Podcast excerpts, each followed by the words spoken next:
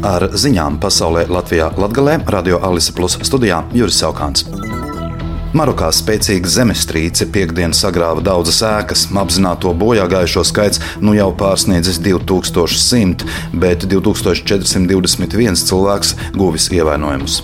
Diemžēl glābēji nevar sasniegt visas zemestrīcē cietušās apdzīvotās vietas, jo kalnu ceļus bloķē nogruvumi. Iepriekšējā spēcīgā zemestrīce Marokā pieredzēta 2004. gadā, kad dzīvību zaudēja vairāk nekā 600 cilvēku. Ukrainas bruņoto spēku ģenerālštābs ziņo par kārtējo Krievijas aviācijas un raķešu triecienu Ukrainai naktī uz pirmdienu. Ziņojumā norādīts, ka ienaidnieks veicis 5 raķešu un 87 aviācijas triecienus, kā arī 44 apšaudes no daudzlādiņu reaktīvajām iekārtām gan pa mērķiem Ukrainas bruņoto spēku pozīcijās, gan pa civilajiem objektiem. No 33 pielietotajiem triecienu droniem Šahed 26 notriekusi Ukrainas pretgaisa aizsardzība.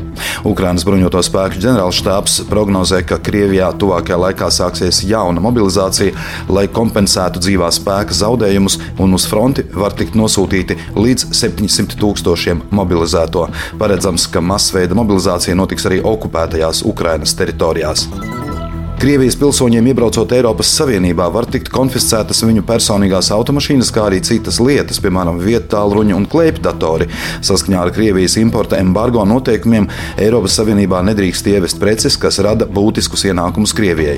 Šā iemesla dēļ juristi apgalvoja, ka vietējās iestādes nepareizi interpretē muitas likumu, taču Eiropas komisijas nostāja šajā jautājumā nebija skaidra.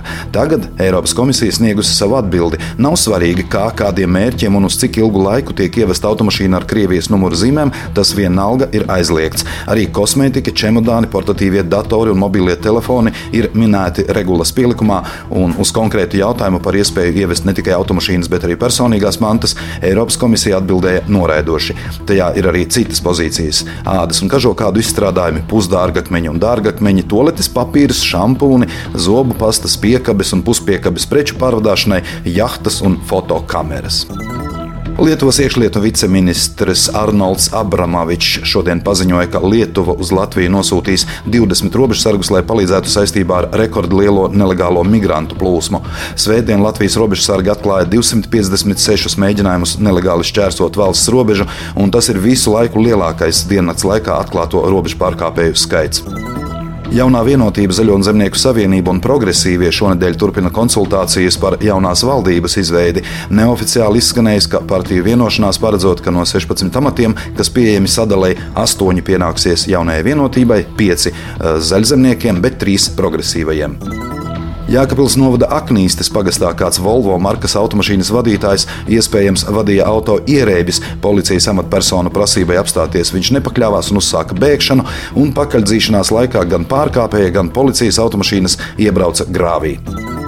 Šogad pēdējā Reizeknas peldvietu ūdens pārbaudē 30. augustā konstatēts, ka Reizeknas upes stācijas ielas tilta rajonā un Zirnavu ielas rajonā ir pārsniegta mikrobioloģisko jeb cilvēka veselībai kaitīgo mikroorganismu piesārņojuma norma. Līdz ar to Reizeknas upē peldēties ir aizliegts. Daugopils teātrī pēc mēneša, 6. oktobrī, gaidāma Ukrainas dramaturga Alekseja Kuraļeha Lugas pamieris iestudējuma pirmizrāde. Luga pamieris tapa 2017. gadā, un Kuraļehu dramaturgu no Doņetskas šīs lugas uzrakstīšanai iedvesmoja reāli notikumi, kad 2014. gadā pamiera laikā abu karojošo pušu karavīri remontēja karadarbības rezultātā bojātos māju jumtus. Valsts ugunsdzēsības un glābšanas dienests aicina laikus sagatavoties apkures sezonai, iztīrot dūmvadus. Tā kā nevērīgas attieksmes dēļ nereti izceļas postoši ugunsgrēki, kas mēdz beigties arī ar letālām sekām, iedzīvotāji tiek aicināti parūpēties par drošību, iztīrot sodrējus no ēku dūmvadiem, kā arī veicot nepieciešamās apkures ierīču apkopes. Ugunsdzēsēji glābēji, dodoties uz izsaukumiem, nereti sastopas ar situācijām, kad apkures sistēma tiek nepareizi eksploatēta, piemēram, pārkurināta krāsnes, nepareizi nepareizi izbūvēts dūmvads, pārāk ātri aizvērts aizbīdnis vai apkuras ierīce netiek izmantot atbilstoši noteiktajām prasībām. Ar ziņām studijā bija Juris Saukāns, projekta Ziņas bez robežām pasaulē Latvijā Latgalē ietvaros šo ziņu izlaidumu finansē Mediju atbalsta fonds.